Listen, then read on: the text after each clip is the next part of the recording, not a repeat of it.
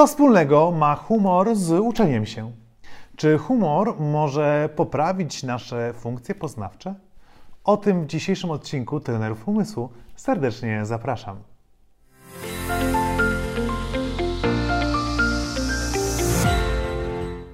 Cześć, nazywam się Bartłomiej Boral i wraz z moim bratem Tobiaszem jesteśmy pierwszymi w historii reprezentantami Polski na Mistrzostwach Świata Pamięci z Guangzhou z Chin, autorami różnych książek dotyczących rozwoju umysłowego i razem z moją żoną Joanną założycielami szkoły Best Brain Nowy Wymiar Edukacji. Na tym kanale pokazujemy, jak lepiej korzystać z fantastycznego narzędzia, które dał nam Pan Bóg, czyli z własnego mózgu.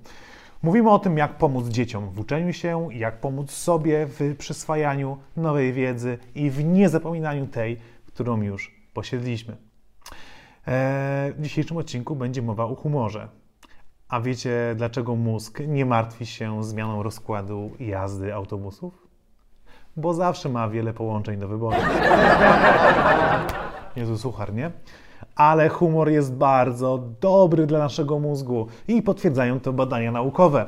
Słuchajcie, zacznę może od osób e, starszych. Było takie e, przeprowadzone badanie, e, gdzie sprawdzono, mm, to było na, wzięto 20 osób mniej więcej w wieku 70 lat, były to zdrowe e, osoby e, i podzielono je na dwie grupy, czyli 10 osób e, miało przez 20 minut siedzieć ciszy, y, nie mogło korzystać, nie mogło rozmawiać przez telefon, oglądać jakichś filmów, y, po prostu musiało poczekać przez 20 minut, a drugie, 20, a drugie 10 osób e, przez 20 minut oglądało jakiś śmieszną komedię, jakiś śmieszny serial e, komediowy i sprawdzono, e, czy będzie jakaś e, istotna różnica w uczeniu się w, w ogóle w funkcjach poznawczych między tymi dwoma grupami.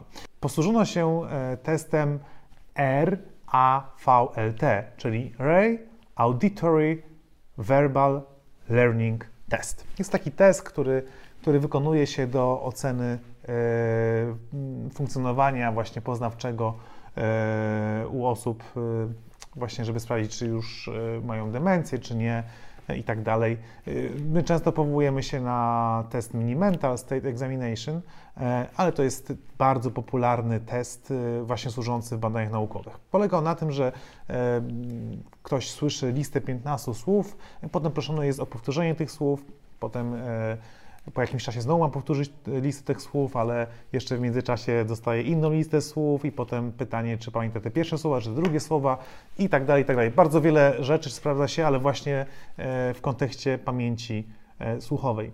No i oczywiście, co się okazało? Tak, grupa, która oglądała serial komediowy przez 20 minut, miała statystycznie istotnie wyższe wyniki w tym teście niż grupa kontrolna.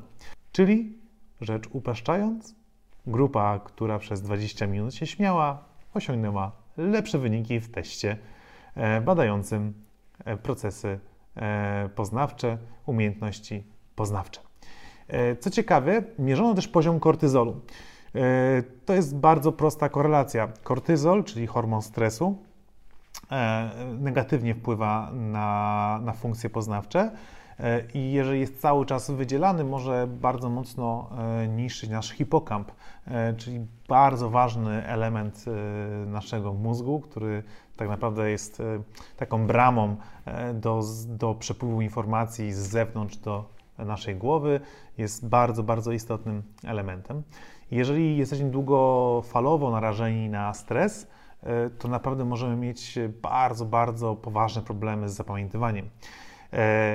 No i właśnie y, zmierzono też y, w trzech y, punktach czasowych poziom kortyzolu w ślinie uczestników tego badania. I okazuje się, że właśnie u osób, które, które przez 20 minut oglądały serial komediowy, ten kortyzol e, był niższy niż w grupie kontrolnej.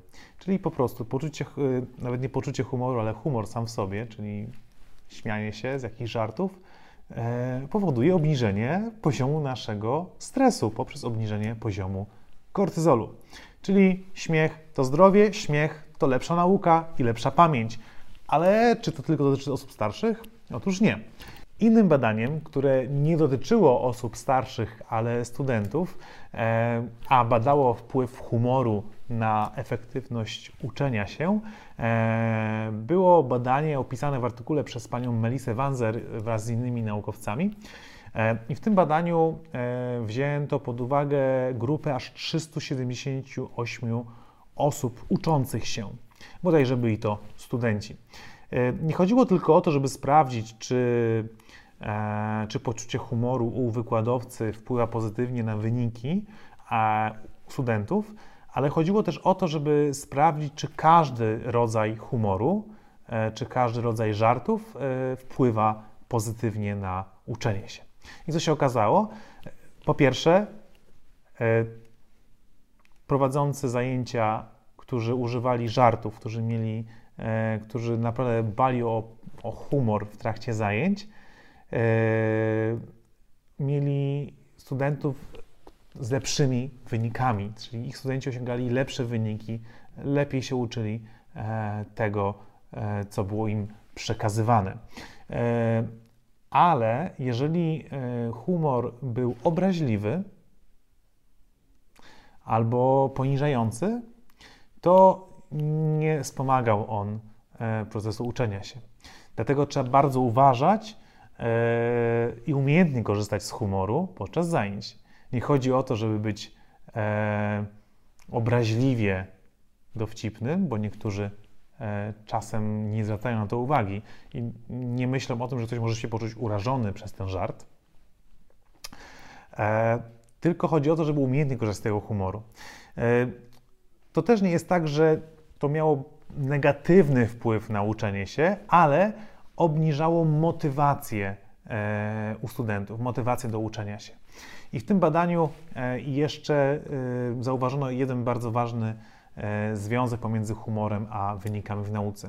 Żeby humor prowadzącego wpływał pozytywnie na wyniki studentów, musiał on być związany z tematem, którego oni uczyli. Czyli nie chodzi tylko o to, żebyśmy ucząc kogoś, na przykład pracując z naszymi dziećmi, może jesteś nauczycielem, pracujesz w szkole, żeby po prostu powiedzieć jakiś śmieszny żarcik, e, który przeczytałeś rano e, gdzieś tam, e, a to nie ma nic wspólnego z tematem, którego nauczasz, bo to nie wpłynie pozytywnie na uczenie się e, dzieci, tylko musi to być humor, który jest związany z tym, czego uczysz, z tym, co chcesz przekazać.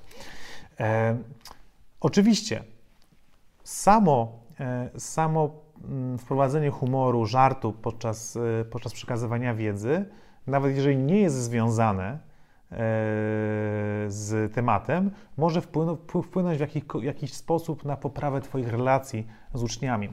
O tym możesz dowiedzieć się z jednego z ostatnich odcinków na naszym kanale, gdzie mówimy o tym, jak relacja z nauczycielem wpływa na procesy uczenia się uczniów ale w tym badaniu nie wykazano e, statystycznie istotnego wpływu humoru, który jest niezwiązany z tematem nauczanym na wyniki studentów e, w nauce. E, ale warto wziąć to pod uwagę, że takie on pum, teraz nauczmy się, bo to jest ważne, będziemy uczyć się trygonometrii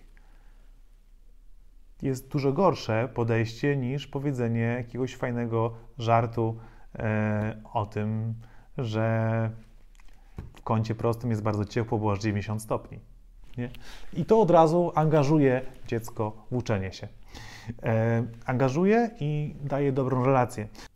Czyli nie chodzi tak naprawdę o to, e, żeby sztucznie udawać powagę, żeby nie można było sobie zażartować, tylko chodzi o to, żeby poprzez żart wspomóc proces uczenia się. E, to się bardzo ściśle wiąże właśnie z wytwarzaniem relacji, e, czyli z tym, o co bardzo mocno dbamy na naszych kursach Best Brain, Nowy Wymiar Edukacji, które można było powiedzieć, pomimo tego, że prowadzimy online, są niesamowicie skoncentrowane na wytworzeniu najpierw relacji z uczniami. I to jest też podkreślane bardzo mocno przez, e, przez rodziców dzieci, których uczymy, że ta relacja jest bardzo silna, że, że, że dzieci z chęcią przychodzą na te zajęcia, bo właśnie od tego zaczynamy, od zbudowania relacji. A przecież relacje można świetnie zbudować dobrym poczuciem humoru. Jeżeli znasz jakiś fajny żart o mózgu, który nikogo nie obraża, nie poniża, napisz go w komentarzu. Z chęcią się pośmieję, żeby jeszcze efektywniej pracować swoim umysłem. Do zobaczenia. Cześć.